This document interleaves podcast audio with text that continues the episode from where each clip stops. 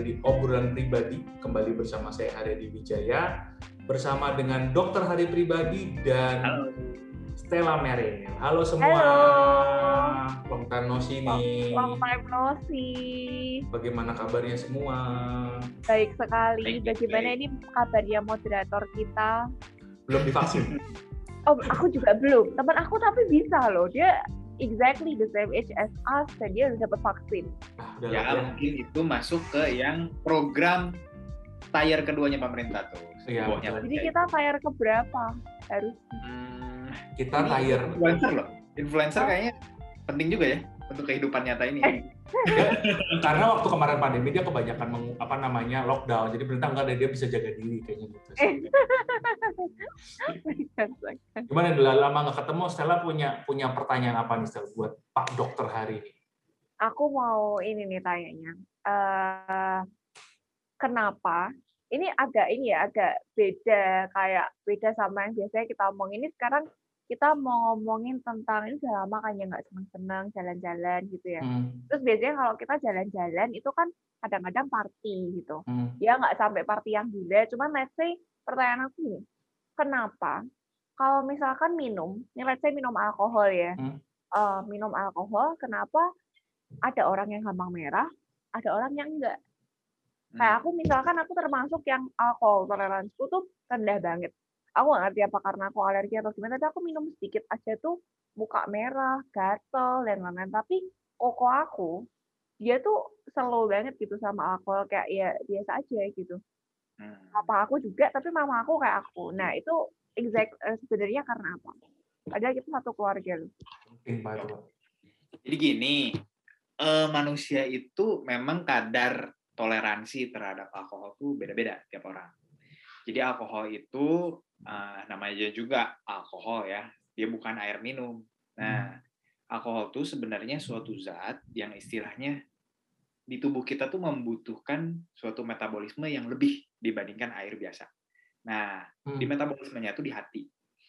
Nah, dia masuk, ada sitokromnya, ya. Intinya itu eh, sitokrom itu suatu eh, komponen di dalam hati yang dia itu fungsinya untuk pecah itu alkohol. Nah, tiap orang ini secara genetik tuh beda-beda tuh kemampuan Oh. memecahnya. Nah, ketika Oke. dia dipecahnya itu cepat Ya. oleh reaksi enzimatik, nama enzimnya kalau nggak salah alkohol dehidrogenase ya.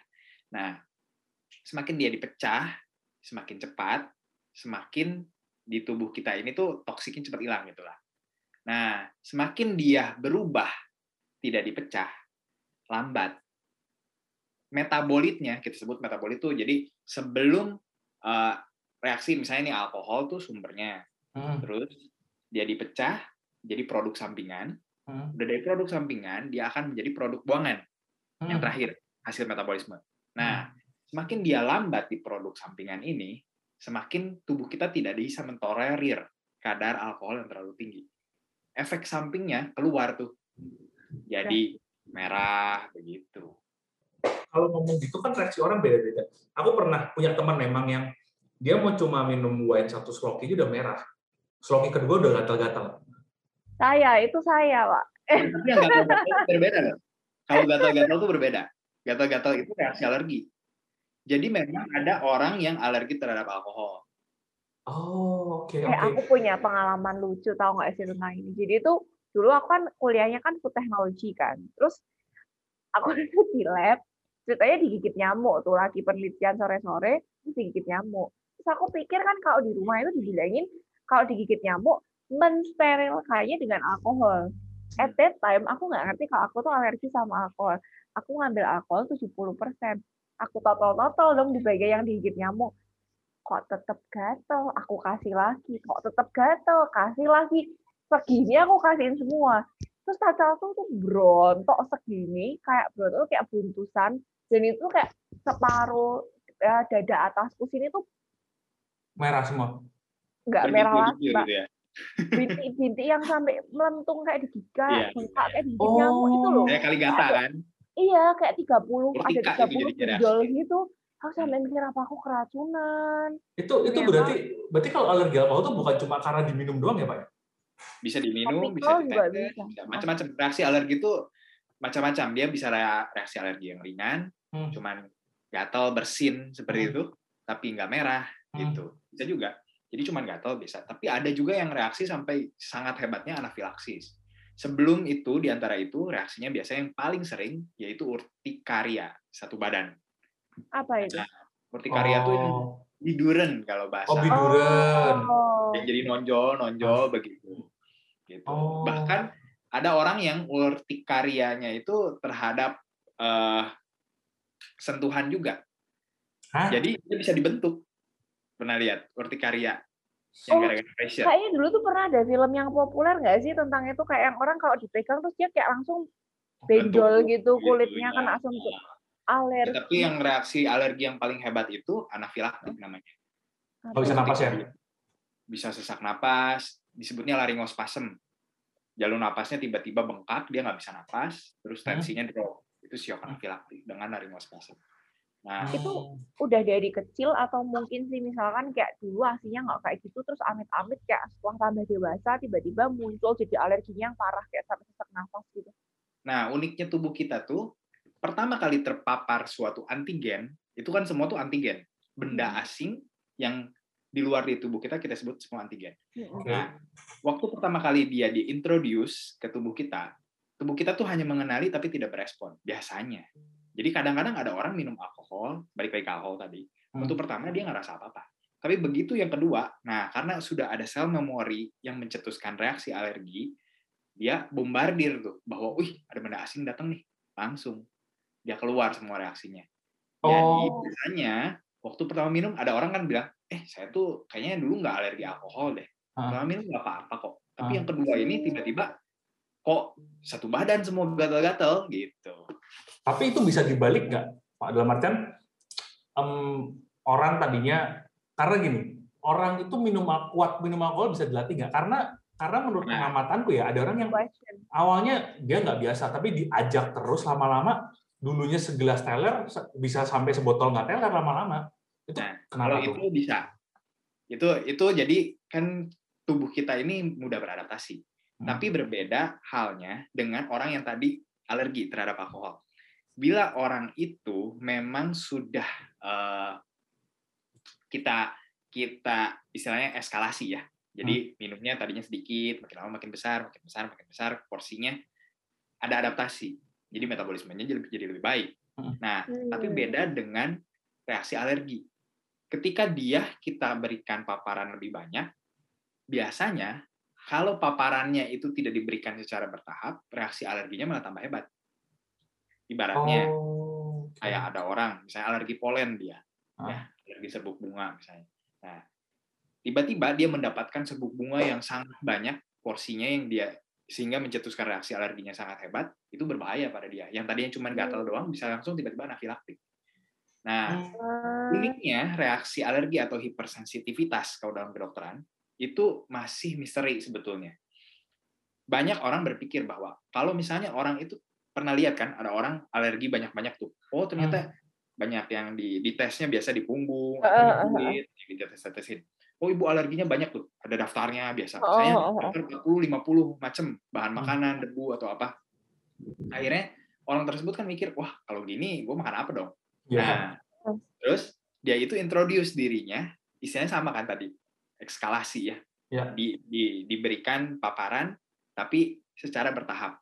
Nah, Hmm. teoritisnya, menurut dokter-dokter alergi dulu, teorinya, kalau misalnya paparan itu masih dalam metode apa jumlah yang tolerir, dapat ditolerir oleh tubuh Hmm. kita, tubuh kita tuh nanti reaksi alerginya akan berkurang katanya. Gitu. Hmm. Tetapi teori ini juga sampai sekarang masih menimbulkan pertanyaan karena kita tidak tahu gitu kapan batas sesu- seseorang itu bisa mentolerir suatu respon alergi. Gitu. Ah, I see. Makanya banyak perdebatan tentang itu ya. Oh, Hmm. BTW, back to laptop. Aku tadi ada pertanyaan lanjutan gini.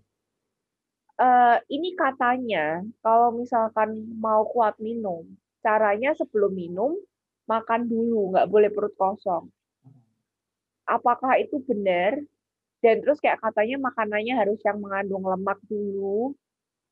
Terus explanation-nya gimana? Is it a myth or a fact? And what's the explanation?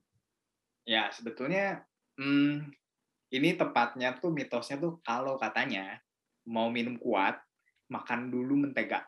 Pernah Ya, Ah betul. iya iya iya iya iya iya betul betul. Butter, butter. Butter atau susu katanya. Nah, atau susu katanya supaya lebih kuat. Sebetulnya itu tuh mendilute sih sebetulnya. Mendilute alkohol yang kita minum. Oh. Oh. Jadi kadarnya tuh lebih rendah. Begitu. Sebetulnya Jadi seperti itu. dia kayak cuman act as an apa kayak penetral doang gitu ya, Lah seolah-olah seperti itu. supaya lambungnya nggak nyerep tapi dia kayak ke netral Supaya sama si- terserapnya justru jadi lebih lambat oleh hati. Oh. Nah, kalau lebih lambat berarti tetap naik tapi naiknya Tetap naik, di belakangan pelan. dong. Iya, Kan kuat minum, bukan kuat mabok. iya. Hangovernya lebih lama nanti. Iya, iya. Oh. Oh, gitu. Berarti justru side effect-nya kalau makan yang berlemak itu nanti malah hangover-nya parah dong kalau gitu karena numpuk semua di Lebih lama. belakang. Iya, lebih lama. Tergantung minumnya berapa banyak. Semakin banyak yang dia minum ya semakin hangovernya lebih parah. Kalau mau tips sih sebenarnya kalau kalau setahu aku ya, kalau setahu saya nih, kalau minum satu, jangan langsung dihajar terus. Minum, Terus? kasih air dulu, minum lagi, kasih air dulu. Oh, ke deh. ya. Mendilusi. Mendilusi, mendilusi gitu kan. Nah, gitu. Kalau orang kan bi- biasanya minum blok blok blok blok blok, ya ya pasti. Karena uniknya itu lambung kita tuh disebutnya reservoir. Nah, Hmm. kan tahu ya eh, pelajaran biologi dulu kan dari mulut masuk dulu kan ke kerongkongan tidak langsung ke hati, Heeh, tetapi masuk dulu ke lambung. Nah, di lambung itu makanan itu akan diolah dan ditahan. Dia kurang lebih 4 4 jam kalau makanan. Hmm. Kalau minuman dia cepet tuh lewatin lambung terus turun perlahan ke hati. Nah, tetapi ketika kita makan makanan yang berlemak atau apa, itu pergerakan dari eh, lambung kita itu akan jauh lebih lambat dibandingkan kita cuma makannya gula gitu yang isinya karbohidrat sederhana itu cepet tuh makanya orang makan indomie itu cepet lagi lapar kok Oh. nah coba makannya steak lama tuh Oh. kenyangnya. bener nggak Eh, gitu BTW, aku jadi keinget tadi waktu dokter Hadi bilang gula. Ini juga ada mitos lagi kan. Katanya kalau minum alkohol pure dibandingkan minum alkohol yang dicampur sama perasanya, yang which is mengandung gula, katanya akan lebih cepat naik yang mengandung gula. Termasuk kayak misalnya dicampur sama Coca-Cola or something gitu. Kayak I witness ada teman aku waktu itu dikerjain, jadi eh, minumnya tuh dia nggak ngeh, dia kira dia minum pure, tapi sebenarnya dia udah kayak agak dicampur gitu loh sama Coca-Cola or something gitu waktu itu. Terus beneran naiknya tuh cepet banget, tapi kayak why gitu. Harusnya kan logikanya kadar alkoholnya makin kecil, tapi kok malah Apa karena tadi Pak sama kayak nyambung dari gulanya jadi kecernanya cepat. Karena oh ini Iya. banyak gulanya nih, gue turunin cepet-cepet nih. Hmm, atau itu nggak sama sih sama oralit kalau kalau itu prinsipnya gini ada beberapa hal yang bisa dipercepat diserap oleh tubuh kita dengan memakai gula ada juga yang tidak contohnya Oh. Kenapa sih orang kalau dehidrasi kan kurang garam tuh natrium doang toh? Iya. Kenapa sih nggak suruh makan garam doang? Kenapa harus dicampur larutan gula dan garam? Karena gulanya lebih gampang cepat diserap daripada itu. Tuh, Itu harus pakai Jadi, gula ya? harus dikasih gula supaya si sel enterosit di dalam tubuh kita, sel-sel pencernaan, itu Oh. nyerap eh, kalau ada gula, itu tuh si natriumnya cepat masuk ke dalam selnya. Nah, Hmm. tetapi untuk alkohol itu tidak berlaku demikian. Oh, berarti sebenarnya mitos dong kalau gitu. Sebenarnya harusnya mitos. Sebenarnya. Oh, mungkin gini kalau penjelasan penjelasan non medisnya ya. Soalnya kalau dia sudah dicampur gitu nggak kerasa satu gelas. Coba masih pure. Seruput, aduh, naik. Seruput, Oh, aduh. iya, iya, iya. iya. Logika Kalau dia Iya. mungkin jadinya minumnya sedikit, apa Iya. satu gelas penuh gitu. Iya, benar, benar. Manis nih Karena enak nih, minumnya terus. minum aja terus gitu kan. Itu itu yang bikin bikin tahu-tahu blek aja. Kalau Iya. coba kalau kalau minumnya itu kan udah udah mikirnya aduh keras keras keras keras keras yang yang efek kedua mahal mahal mahal mahal mahal kan gitu kan Nah, ngirit jadinya. Aku mau nanya juga Lanjut. ini.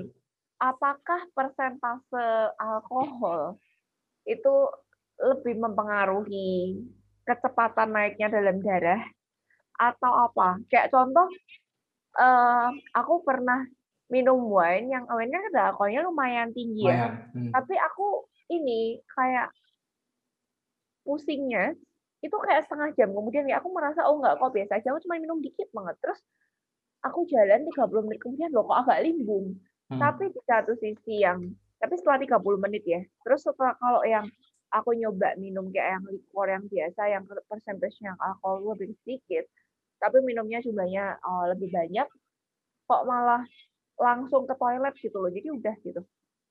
Langsung ke toiletnya apa? Muntah? maksudnya kayak langsung Iya. ah, langsung buang air kecil. Kayak maksudnya pertanyaanku tuh kenapa yang satu bereaksinya lama yang satu bereaksinya cepat apakah dari apakah dengan semakin tinggi kadar alkohol itu justru reaksinya lebih lambat efeknya? Padahal kan logikanya ya lebih tinggi kok nggak lebih cepat gitu loh pertanyaanku Sebetulnya semakin tinggi harusnya semakin cepat.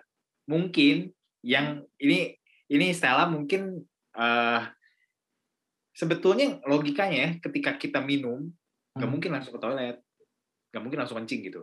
Nah mungkin itu jadi ter eh, apa ya Sugesti. tersugesti bahwa kok jadinya pengen kencing gitu. Tetapi itu tuh bukan berarti pertanda bahwa ketika sudah kencing, si bir atau alkohol yang kita minum dengan kadar rendah, biasanya kan bir gitu 3-4 persen begitu ya, itu sudah keluar dari tubuh kita enggak gitu. Tetap dia ada, cuman dia nggak terasa hangovernya karena karena kadarnya terlalu kecil. Sedangkan ketika Stella minum yang uh, wine itu yang mungkin sekitar 20 sampai 30 bahkan ada beberapa kan kalau liquor 40% kan. Nah, itu baru terasanya 30 menit. Itu ketika dia sudah di metabolisme. Begitu. Oh, Oke oke. Nah, Hmm. kalau gitu kan kita ngomongin efeknya nih Pak. Oh, gini, orang kalau udah di titik mentoknya nih, mentoknya, bahasanya orang-orang kan jackpot, Hmm. muntah. Kok muntah? Pertanyaanku. Muntah. Ah, ah. Nah, jadi gini, tubuh kita tuh ketika kita mengkonsumsi alkohol, sebetulnya dia dipecah menjadi suatu metabolit yang bersifat asam. Oke. Jadi tubuh kita akan ber eh, keluar mekanisme asidosis sebutnya. Jadi keseimbangan Hmm. asam basa di tubuh kita turun langsung asam. Hmm. Semua kompensasi gejala asidosis keluar. Hmm. Gitu. Tubuh ini berontak ya berarti ya kalau salah satu mekanisme ya, ketika dia terlalu asam, dia akan membuat jadi basah toh. Hmm. Nah, sumber asam terbesar tubuh kita sebetulnya apa? Asam Lambung mengeluarkan asam lambung Hmm. Nah, HCl itu harus dikeluarkan dari tubuh kita. Cara tergampangnya Muntahin. gitu. oh, biar Oh. bedanya nggak terlalu ma asam ya berarti ya Ya, begitu. Oh. Nah, tapi ada suatu titik di mana tubuh kita nggak sempat untuk mengeluarkan mekanisme itu mekanisme proteksi sebetulnya muntah nanti dia bisa diare seperti itu itu untuk dia tuh supaya balik lagi tingkat Hmm. keasamannya Hmm. Nah, tetapi ada beberapa yang kenapa alkohol itu berbahaya. Ketika alkohol itu dioplos, kita itu kalau minum alkohol yang diminum itu dalam Hmm. bentuk etanol. Nah, ketika kita mengoplosnya dengan spiritus, kadang-kadang ada orang gila kan. Nah. Metanol. dengan metanol. Nah, ketika dia berubah struktur kimianya itu menjadi lebih cepat dia berubah menjadi asam. Makanya yang kita sebut nanti ada laktit asidosis, laktat asidosis. Itu akibatnya banyak macam-macamnya tuh, bisa sampai mengakibatkan kematian paling paling jeleknya karena terlalu asam. Nah, Hmm. tapi yang kedua paling berbahaya itu ke mata, jadi buta. Oh, kayak yang mau sarafnya kebakar tuh ya. oh my Bukan god sarafnya kebakar, tetapi ya sebetulnya karena terlalu asam tadi. Jadi Oh. disebutnya toxic optic neuropathy. Nah, bahkan ada yang minumnya menahun itu Hmm. kenanya ke jantung. Disebutnya alkoholik kardiomiopati. Jadi gagal jantung tuh sebetulnya. Oh. Gitu. Jadi efek alkohol Gila. tuh yang berbahaya tuh yang dioplos gitu. tapi Sebetulnya kalau nggak dioplos Berbahaya juga sebenarnya kalau kalau kurang dari Bahaya juga 40% dengan jumlah yang wajar sampai dia muntah tadi jackpot, biasanya aman. Gitu. oh sampai Kalau jackpot itu mekanismenya- masih aman termasuknya karena mekanisme jackpotnya tuh keluar. Gitu. Iya, iya, Tapi iya, kalau iya. dia sudah tidak bisa mengeluarkan itu, dia keburu pingsan, koma. Nah itu jalan terus tuh. Nggak ada mekanisme proteksi di dalam tubuhnya untuk mengeluarkan alkohol itu. kalau misalkan gitu, misalkan bisa nggak? Ini aku nggak nyebut brandnya, ntar dikirain promosi. Tapi intinya kalau misalkan kan kondisinya karena tubuh kita asam. Hmm. Kalau misalkan setelah minum, terus diminumin air yang sifatnya basah, apakah itu membantu? Tidak semudah itu, Ferguson. Aku Stella, namanya dia Stella, bukan Ferguson. Jadi memang sekarang ini kan ngetop tuh air alkali begitu ya. Hmm. Nah, tetapi ternyata itu tuh jadi kan dia kan sebetulnya nambahin ion bikarbonat di dalam air. Nah, tetapi untuk menetra, ya memang terapi eh, ketika tubuh kita terlalu asam ya dikasih basah, tapi basahnya lewat suntikan dan itu harus terukur karena Oh, harus menyeimbangkan kondisi keseimbangan asam basa dalam tubuh kita. Karena ketika asam itu ditambahin basa, efeknya tuh dia harus mengeluarkan produk kompensasinya adalah CO2. Hmm. Nah, CO2 itu harus dikeluarkan lewat eh, pernafasan. Hmm. gitu. Kalau misalnya tadi minum, mau minum berapa banyak sih? Kembung duluan kayaknya. tapi Oh. berarti nggak bisa buat pertolongan pertama juga ya kalau gitu ya? Membantu mungkin, ya. Tetapi sekarang pun ada yang lebih basah daripada itu, yaitu tablet bikarbonat natrikus. Gitu. Kalau kalau gitu? Nggak dikasih yang tablet aja. Bikarbonat tuh apa norit gitu? Bukan, bukan. Ada obat namanya bikarbonat natrikus. Heeh. Natrium bikarbonat. Heeh. aman.